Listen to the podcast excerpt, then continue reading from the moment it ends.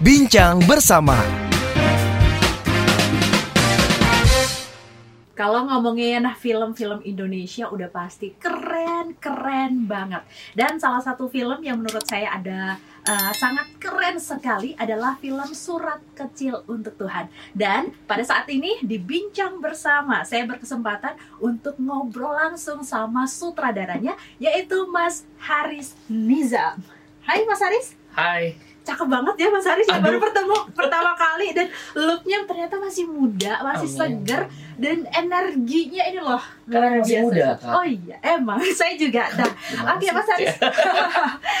Di kesempatan podcast ya. bincang bersama ini kita bakal ngobrol seputar karirnya Mas Haris ya. dan juga uh, tentang film-film yang mungkin akan segera dirilis sama Mas Haris. Ya. Uh, tapi pertama-tama saya pengen tahu dulu nih masa kecilnya Mas Haris hmm. sebelum tumbuh dewasa dan menjadi sutradara keren saat ini masa kecilnya tuh cita-citanya emang udah pengen jadi sutradara apa pernah sih kayak kita gitu pengen jadi dokter polisi dan sebagainya. Ya kalau bicara masa kecil sih kayaknya emang di Indonesia wajar kayaknya ya.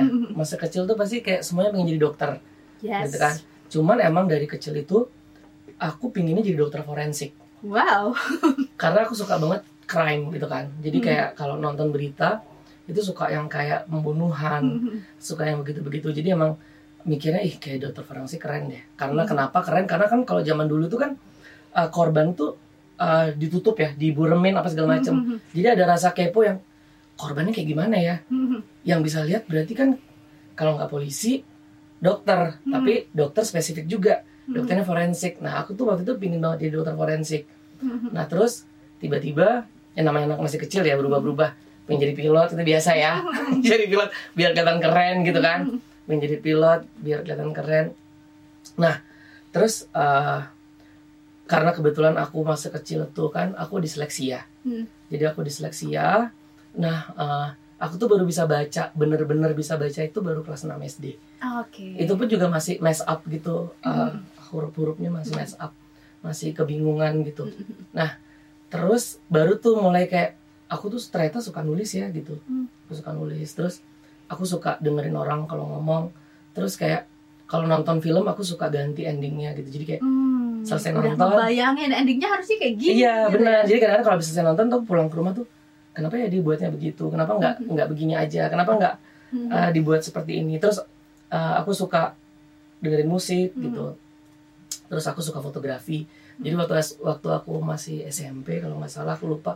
Aku mau motoin adik aku. Eh iya aku SMA kelas 1 aku mau motoin adik aku waktu itu adik aku kayaknya kelas 1 SMP aku fotoin adik aku iseng gitu terus uh, sama adik aku dikirim ternyata dia masuk gitu gak disampul hmm. nah kayak gitu aku pikir wah berarti aku moto bagus ya gitu hmm. kan nah terus aku terus kalau SMA kan zaman zaman ngeband gitu kan ya hmm. nah aku anak so, band juga so-soan jadi vokalis oh. ya kan supaya banyak yang suka kan kalau jadi vokalis banyak yang suka ya kan hmm. soal-soalan terus akhirnya pas aku kuliah aku tuh uh, mikir ta tapi karena aku ngambilnya IPA hmm.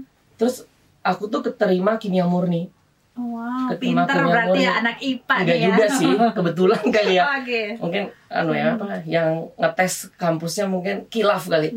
Nah, aku keterima kimia murni, cuman kayak deep down inside tuh kayak mikir apa ya yang maksudnya bekerja tapi yang yang seperti aku tidak bekerja gitu pinginnya hmm. nantinya aku pingin kayak sesuatu yang nantinya long last aku tidak bosan saat menjalankan uh, pekerjaan itu. Hmm. terus kebetulan karena mamaku adalah darah seninya tinggi banget mamaku. Hmm. karena kakek aku punya kalau zaman dulu tuh orkes kan ya. Uh, orkes Melayu gitu di uh, daerah Jawa Timur.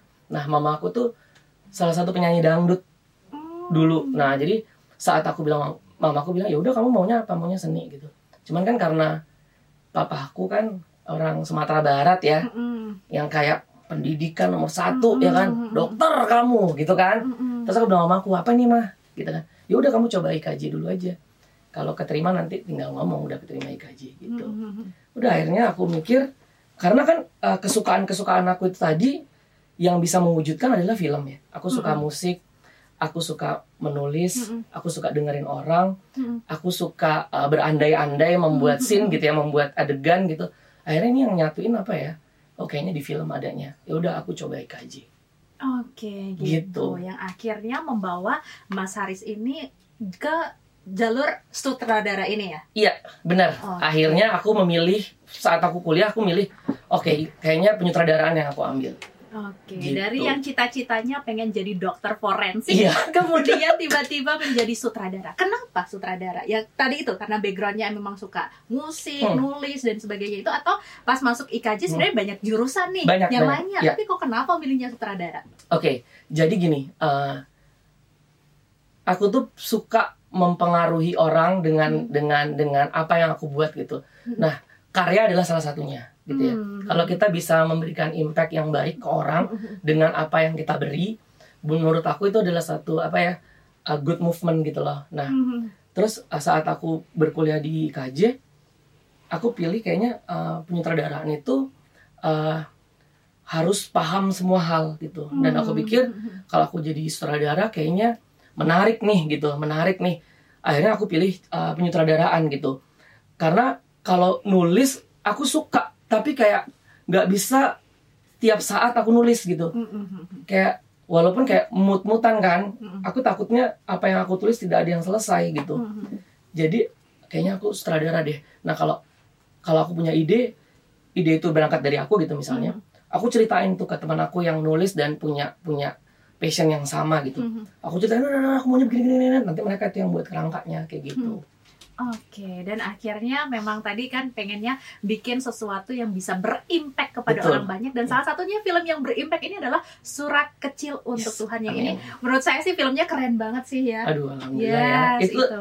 film pertama saya. Oke, film Oke, pertama. Film pertama. Nah, itu bisa diceritakan nggak proses syutingnya Hmm. sampai struggle-nya menjadi seorang sutradara untuk Uh. menghasilkan satu buah karya yang keren banget dan uh, no, dapat penghargaan juga ya? Iya, lumayan lumayan lumayan Hmm. banyak penghargaan di situ yang yang paling buat aku bangga adalah uh, maksudnya itu adalah film pertama aku Hmm. dan menjadi film terlaris nomor satu di Hmm. Indonesia. Uh, terus aku juga dinobatin sebagai sutradara termuda Hmm. pencetak box office Indonesia. Di usia 27 tahun ya Yes, waktu itu ya. Benar banget dan itu buat aku tuh kayak uh, apa ya? Kayak mimpi aku tuh diwujudin uh, sekalian gitu loh. Mm. Karena uh, awal mula kalau boleh cerita awal mulanya Mm. itu bukan aku yang ngedirect. Jadi Oh. ada orang, ada sudah ada seseorang yang ditunjuk untuk jadi sutradara. Nah, aku awalnya keterlibatan aku di Surat Kecil untuk Tuhan itu hanya sebagai tim research.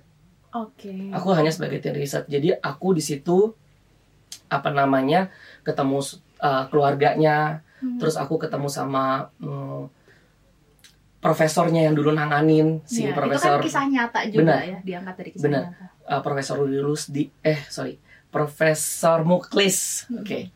Terus aku ketemu sama uh, sekolah ke sekolahannya kepala sekolah Hmm. segala macam aku ketemu tuh ngobrol untuk uh, kasih bahan ke penulisnya. Hmm. Nah, begitu skenario draft ke-6, uh, produsernya bilang, uh, Haris, uh, kamu yang pegang aja ya gitu. Terus aku tuh kaget gitu, hah beneran ini? Deg-degan gitu. nggak tuh mas? Wah, aku hampir menolak karena aku bukan orang yang aji mumpung. Hmm. Jadi uh, pas aku dikasih, aku tuh mikir, aku bilang aku boleh minta waktu nggak? Aku mau mikir dulu gitu. Hmm. Terus aku mikir, mampu nggak ya aku gitu? Karena sebelumnya aku tidak pernah menyutradarai Hmm. uh, project besar gitu. Paling video klip, video klip kecil, itu pun juga band-band yang nggak terkenal gitu. Hmm. Jadi ada ketakutan yang luar biasa besar gitu. Terus uh, aku tanya ke mama aku, aku telepon, mah, Ais disuruh nyutradarain film, menurut mama gimana? Terus mama aku tuh bilang, ya kalau kamu merasa mampu, kerjakan. Tapi kalau enggak jangan, karena itu kan duit besar di situ, Hmm. takut nanti kamu ngecewain. Oh, Oke. Terus aku telepon abang aku, aku telepon abang aku, Am, aku disuruh disuruh nyutradarain film. Menurut kamu gimana? Terus abang aku dengan segala bahasa kasarnya, "Ah, kamu tit- tit- tit- tit- tit," gitu ya, ambil, bego banget kalau nggak diambil gitu. Ini kesempatan gitu kan.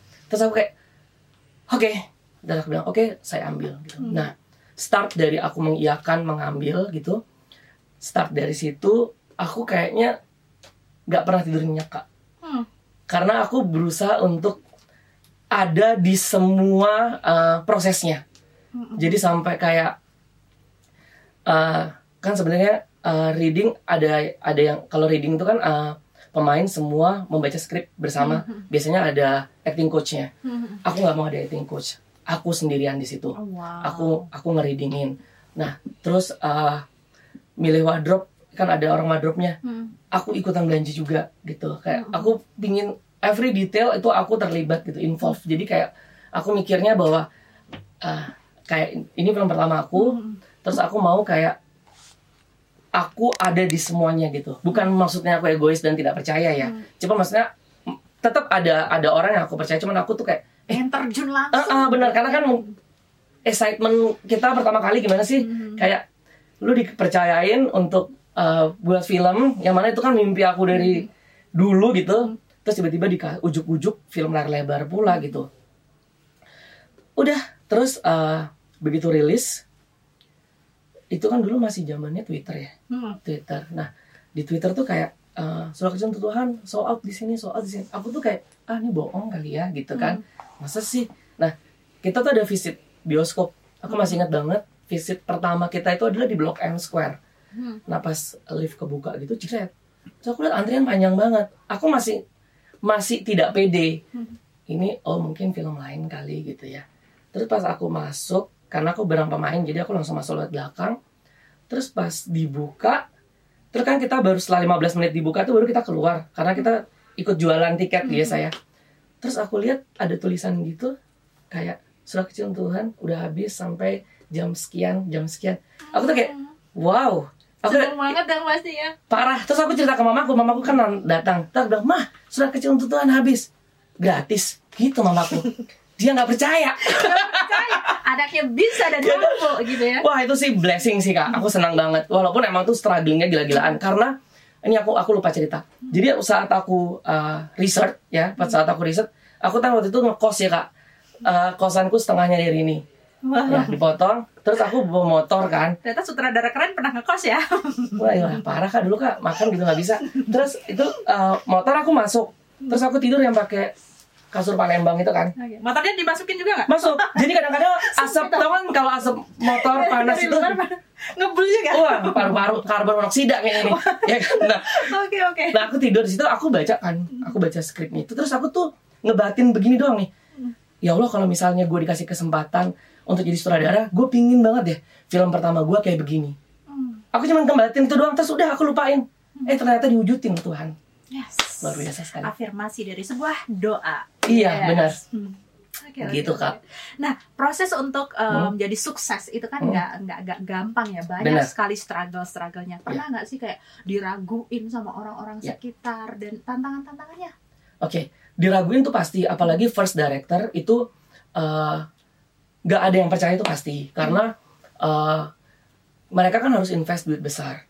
Pasti mereka akan pilih kenapa nggak sutradara ini aja sih? Iya. kenapa Siapa dia Haris Niza iya benar benar. Aku pernah ke salah satu uh, provider lah ya. Mm-hmm. itu kita bawa uh, surat untuk Tuhan. Terus mereka bilang ini diganti aja sutradaranya. Kenapa ini Haris Nizam siapa? Ganti aja sama si H yang lain ya kan? Hmm nggak tahu ada.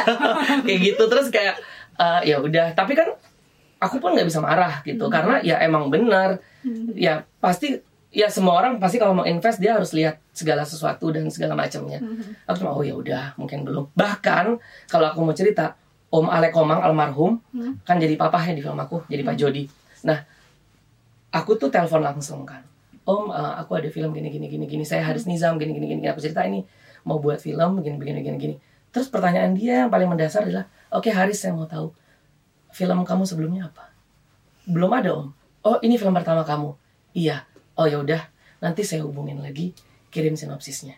Oke, okay. pas ditutup tuh aku langsung kayak, ah, ini kayaknya nggak mau deh. Gitu. Aku nggak bisa nyalahin karena dia udah men-set up karirnya sepanjang ini, dia nggak mau dirusak karena satu film dong pastinya. Udah, aku tuh udah yang kayak sama orang kantor gitu kayak, eh sama PH-nya ganti cari cari backup gitu kayaknya hmm. kayaknya nggak mau deh nah pas sinopsisnya udah dikirim kayak dua minggu kemudian Om Alek Komang nelpon e, saya boleh ketemu nggak sama Haris? Gitu. Oh boleh Om. Tuh aku deg-degannya minta hmm. ampun. Hmm. gila ketemu kan suaranya dia tuh berat gitu ya sangat teater gitu ya. Duduk gitu ya kan dia datang dia duduk di pojok situ terus aku pernah ada kursi di situ kak. Hmm. aku nggak berani. Aku paling pojok duduknya dari kayak jauh-jauhan gitu kayak musuhan. Aku diem aja gitu ya. Aku nunggu dia ngomong karena aku takut kayak kata-kata aku salah gitu lah di hmm. awal. Jadi aku kayak diem aja. Terus saat dia mulai ngomong gitu dia pertanyaan dia cuma simpel. Dia nanya kamu siap? Gitu aja. Kamu udah siap Haris ngedirect? Terus aku bilang ya insya Allah aku siap aku bilang gitu. Mm-mm. terus dia nanyain masalah baju gitu kan. Mm. Pak Jody tuh uh, dicitrakannya gimana? Pakai bajunya warna apa? Ya udah aku jawab se se se semampu aku gitu. Terus dia pulang dia nggak ngasih kabar sebulan Wow. ya kan kayak dia menguji PHP-in ya. kayak dia menguji mental aku sih udah dia nggak ngasih kabar sebulan Hmm. terus in the end dia telepon dia bilang Haris eh, kisah ini harus jadi film ini harus jadi dia bilang gitu aku siap bantuin kamu aku respect banget sama almarhum Malek Komang yang eh, dia tidak pernah menganggap eh, senior junior Hmm, gitu tidak dan ada dia gap. tidak ada gap sama sekali di lokasi pun eh, wah baik sekali. Dan kalau dia mau kasih masukan pun tidak yang semua masukannya dia harus kita ikutin gitu. Hmm. jadi dia dia dia open gitu. Aku begini begini menurut kamu gimana gitu. Jadi enak banget. Terus kalau misalnya tadi kebalik ya back on track sama pertanyaannya. Kalau berbicara tentang uh, susahnya jadi sutradara uh, pemula itu adalah emang kita harus kuat mental sih kak Iya. gitu. Apalagi ngedirect senior ya, artis Benar, artis senior. benar. Uh, kita harus kuat mental dan kita harus uh, apa ya teguh sama pendirian kita. Jadi kalau kita udah punya konsep gitu, kadang-kadang banyak dari uh, uh, pemain-pemain senior ataupun misalnya uh, orang-orang yang mau invest, mereka tuh pingin tahu seberapa kita percaya sama apa yang mau kita buat. Kan kadang-kadang kalau kita digoyangin sedikit terus eh uh, eh nggak tahu deh, ya mungkin sih gitu Mhm. harusnya nggak ada keraguan itu lagi karena kayak Hmm. ini kamu yakin film ini yakin kenapa karena ya film ini bisa menyentuh ribuan orang bisa membuat jutaan orang menangis kayak Yes. begitu Dan terbukti ya alhamdulillah iya dapat penghargaan sebagai uh, film terbaik dan juga Ya. sutradara termuda di Indonesia. Nah, amin ah, aku pengen tahu dong Ya. cara Mas Haris kalau ngedirect artis tuh kayak gimana? Bisa dicontohin nggak? bisa Misalnya oh, ada ada acting tuh di sana tuh. mana siapa kamu Cih? nggak jadi aku termasuk aku nggak tahu ya aku termasuk sutradara yang sangat Galak gak sih Mas Haris? aku nggak galak aku baik baik ya Kamu jangan acting kayak baik nggak. Via aku Vi? baik kan Eh, aku nggak tahu ya Eh, aku tuh sutradara yang ribet Oke. ribet dalam artian gini kalau aku buat adegan uh, scene-nya itu menangis gitu ya aku anggap aku ambil contoh sampai untuk Tuhan ya kalau aku harus buat scene menangis gitu ya akunya harus nangis Mas Haris ya? akunya harus ikut merasakan gitu aku harus sedih Oh. aku harus nangis Mhm. tapi kalau aku nggak dapet itu aku merasa kayak penonton nggak bakalan tersentuh Oh, gitu Jadi pas artisnya acting, Mas Haris juga harus ikut merasakan iya gitu. bahkan Oke. kita baca dulu bareng aku dapet feel-nya dia dapetin feel-nya gitu Hmm, kita nangis bareng dulu ada momen itu Oke. kalau Dinda nonton ya Dinda Hau Dinda ya Hau, iya. Dan itu itu juga dia masih Itu film pertamanya dia. ya, Film pertamanya, Film pertamanya dia, tapi dia dia. berhasil juga Iya. sampai dibotakin rambutnya. ya Benar, dia itu ya. masuk nominasi FFI, dia Hmm. menang di banyak penghargaan, dia Hmm. menang di eh, di Hong Kong dan segala macam. Nah, ada satu scene kalau ingat ya, kalau teman-teman ingat, ada satu scene eh, adegan itu yang di bawah shower dia nangis. Nah itu, terus aku bilang sama, eh eh, Dinda latihan waktu itu nangis. Terus aku aku udah dapat insight dari eh, Pak Jody, bapak aslinya Keke. Eh, nangisnya nggak begitu Mas Haris, nangisnya tuh terpotong-potong. Oke. Terus Dinda aku panggil Din, yuk kita duduk bareng, kita nangis bareng. Terus Dinda nangis tuh, Dinda nangis, hmm, Din nggak gitu nangisnya. Nangisnya tuh gini nih, aku contohin ya. Dia nangisnya tuh gini Din ya. Aku pegangan sama dia di kasur berdua, kita nangis bareng ya Din ya. Terus aku,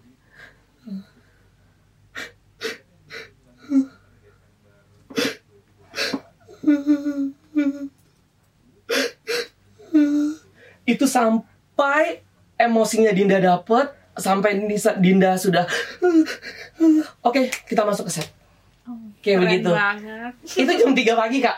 Itu jam 3 pagi kayak gitu tuh. Oh abis itu dia diguyur air kan. Karena kan uh, make up prostetik wajah cancer itu butuh waktu 2 jam. Nah terus uh, itu diguyur air. Jadi kayak itu harus one take oke. Mhm. jadi begitu dia udah dapet terus dia langsung aku masukin. Kita lihat set cut oke. Beres. Itu kita habis selesai nangis bareng pelukan ya kan. Mhm. terus oke udah aman Dinda gitu. Karena uh, kita nggak mau uh, salah uh, apa ya memvisualkan uh, kelu- keinginan keluarga gitu Mhm. bahwa si keke ini kuat Mhm. tapi ada di momen dia nangis tapi dia nggak mau keluarganya tahu maka itu dia Hmm, hidupin kayak kencang emosi iya yang ditahan Iya, uh-uh. dikeluarin kayak gitu jadi kita kita buat begitu Ya, lalu setelah hasilnya yang sangat luar biasa Hmm. ini keluarganya gimana mas tanggapannya? Seneng banget pasti. Iya, eh, jadi eh, keluarganya itu eh, pas premier Hmm. itu aku sih lumayan sedih ya. Pas Hmm. premier itu eh, keluarganya datang kan. Dia punya kakak laki dua, Hmm. kakaknya satu udah almarhum, baru meninggal 2020. Hmm. Eh, tiga kakaknya datang, mamahnya datang juga, datang ke eh, premier sama sahabat-sahabatnya. Hmm. Itu ada empat kalau salah nggak kalau aku nggak salah yang datang. Nah kita nonton. Nah aku tuh kan kalau premier jarang ada di dalam bioskop. Hmm. Jadi aku tuh cuma ngintip gitu. Takut soalnya aku pengen lihat ngelihat reaksi orang-orang aja gitu. Hmm. Dan aku kan pindah-pindah eh, apa eh, apa sih sinema layar. Hmm. Eh, lihat studio satu, studio lihat pindah studio. Nah saat aku keluar aku lihat tuh papanya itu di luar duduk.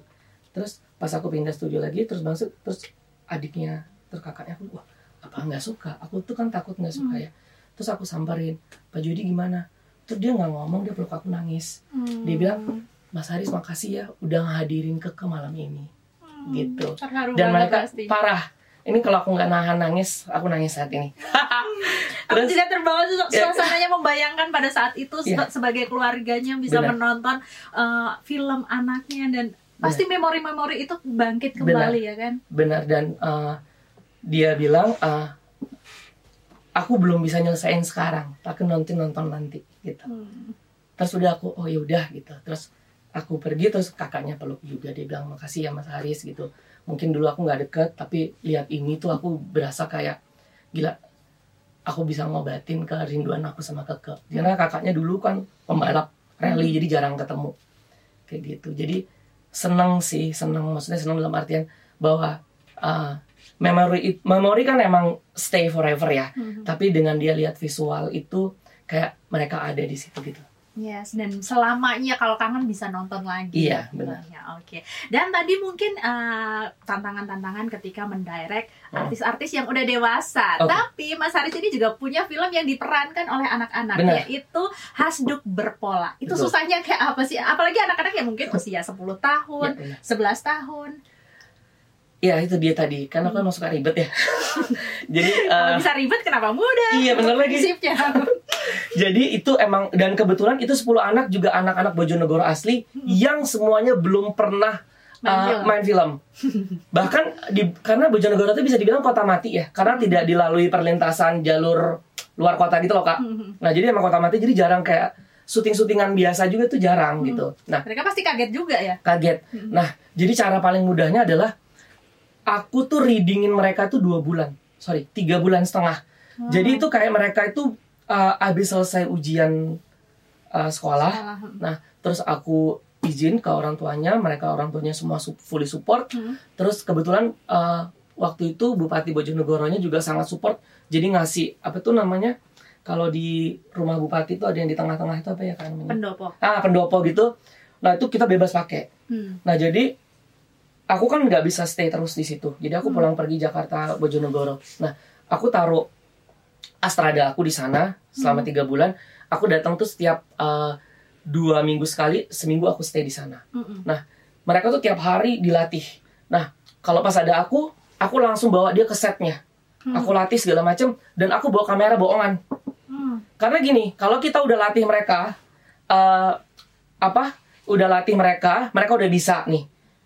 Terus tiba-tiba ada kamera, mereka kan pasti berbeda. Malu-malu ya. Jadi bingung kan? Kenapa nih? Dia gimana gitu? Nah, akhirnya aku bawain kamera, aku tidak record gitu ya.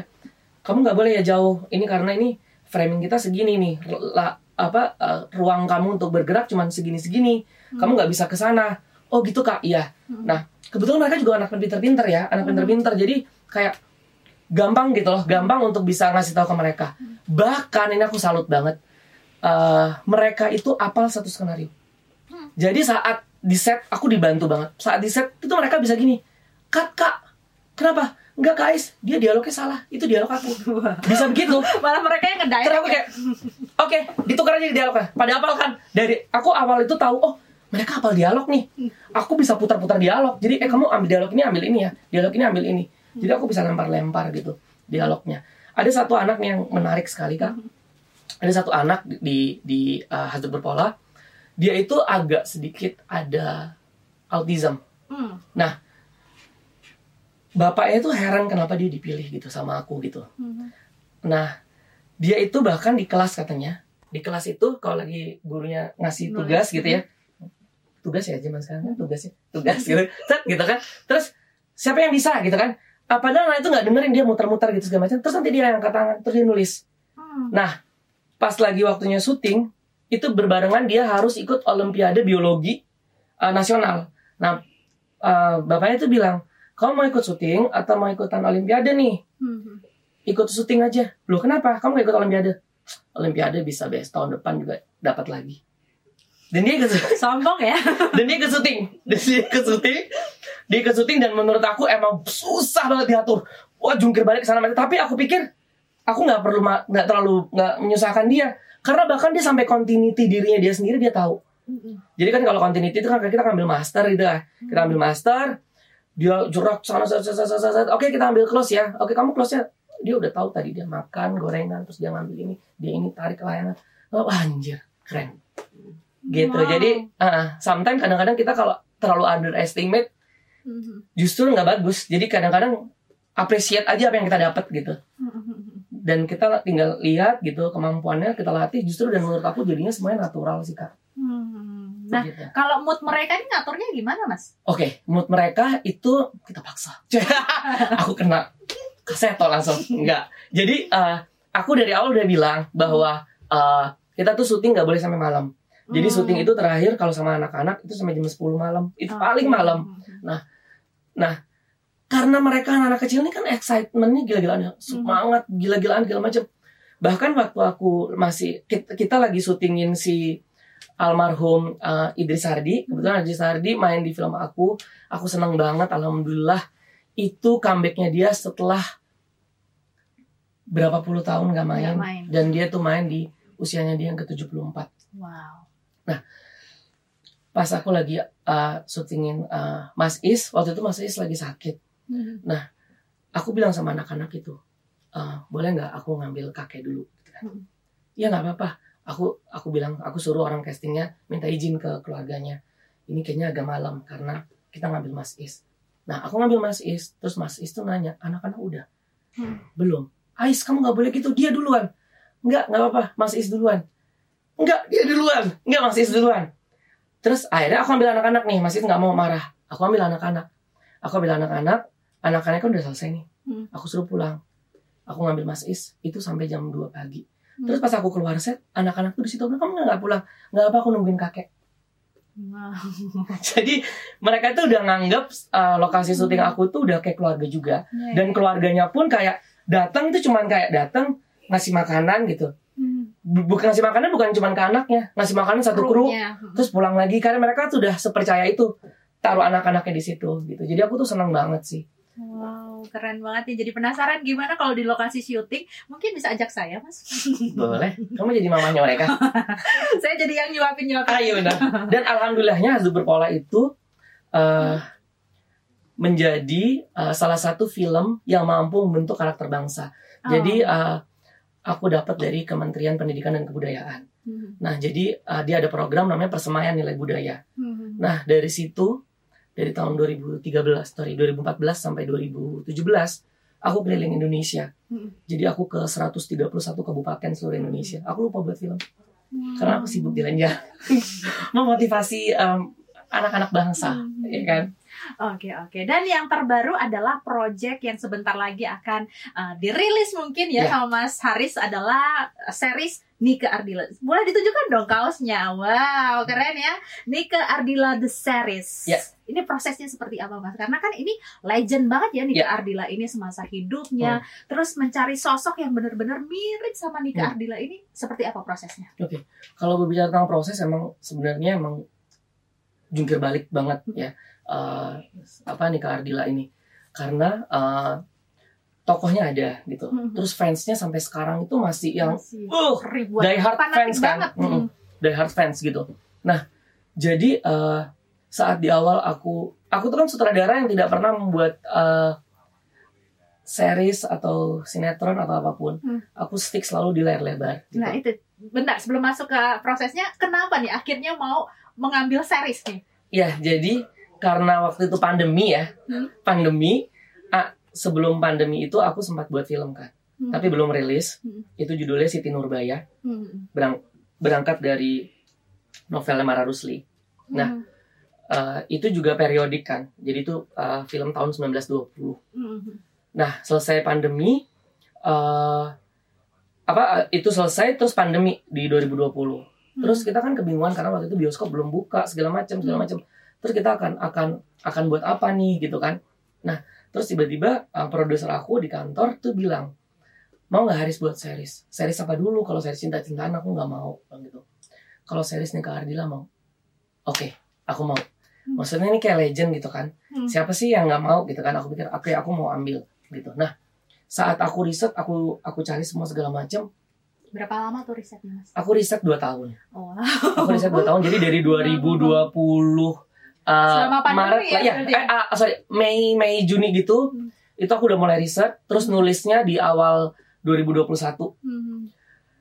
Karena kita pingin Oh, mas Hari sendiri yang nulisnya? Enggak, aku sama penulisnya kebetulan aku ini kolaborasi comebacknya aku sama Baby Hasibuan. Oke. Jadi yang di Baby eh, Kak Baby itu yang buat surat kecil untuk Tuhan. Hmm. Aku percaya sama dia karena dia eh, waktu itu juga kita kisah nyata.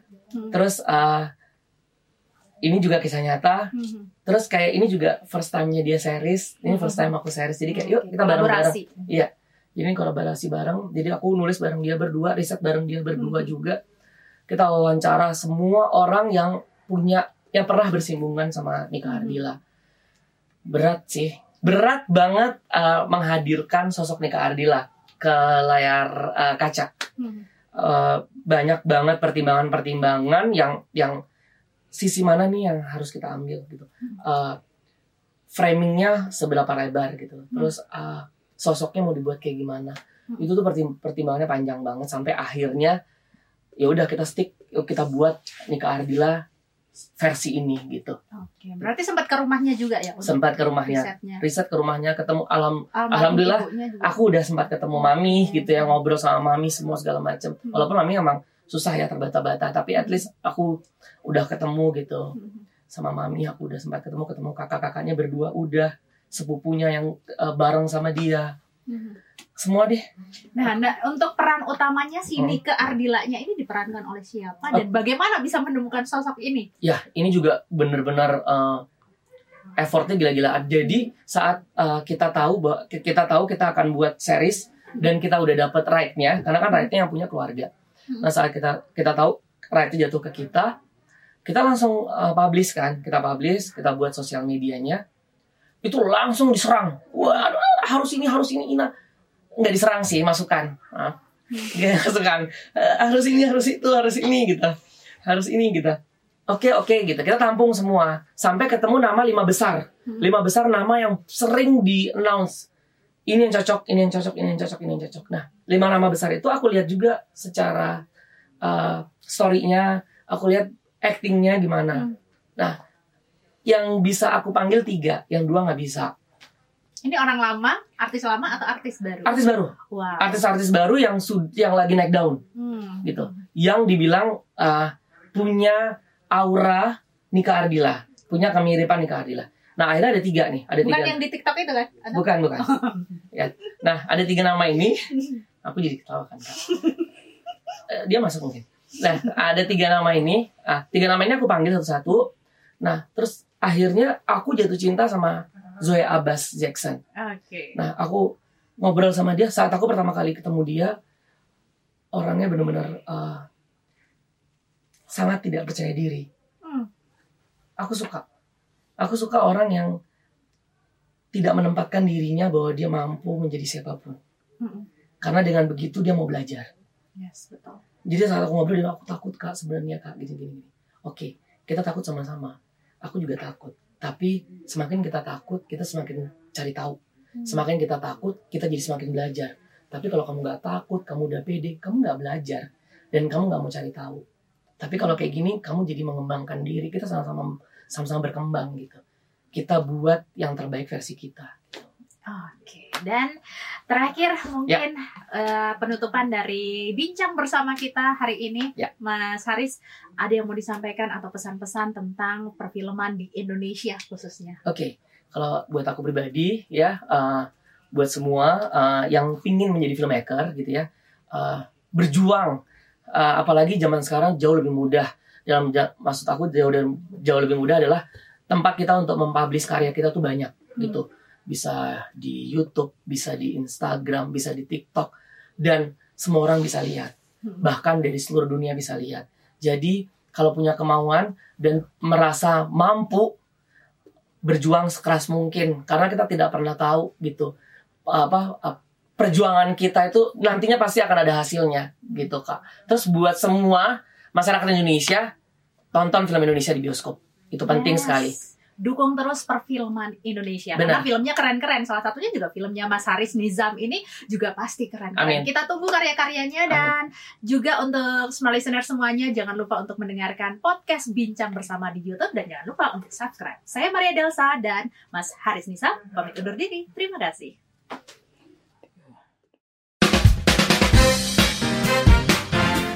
Bincang bersama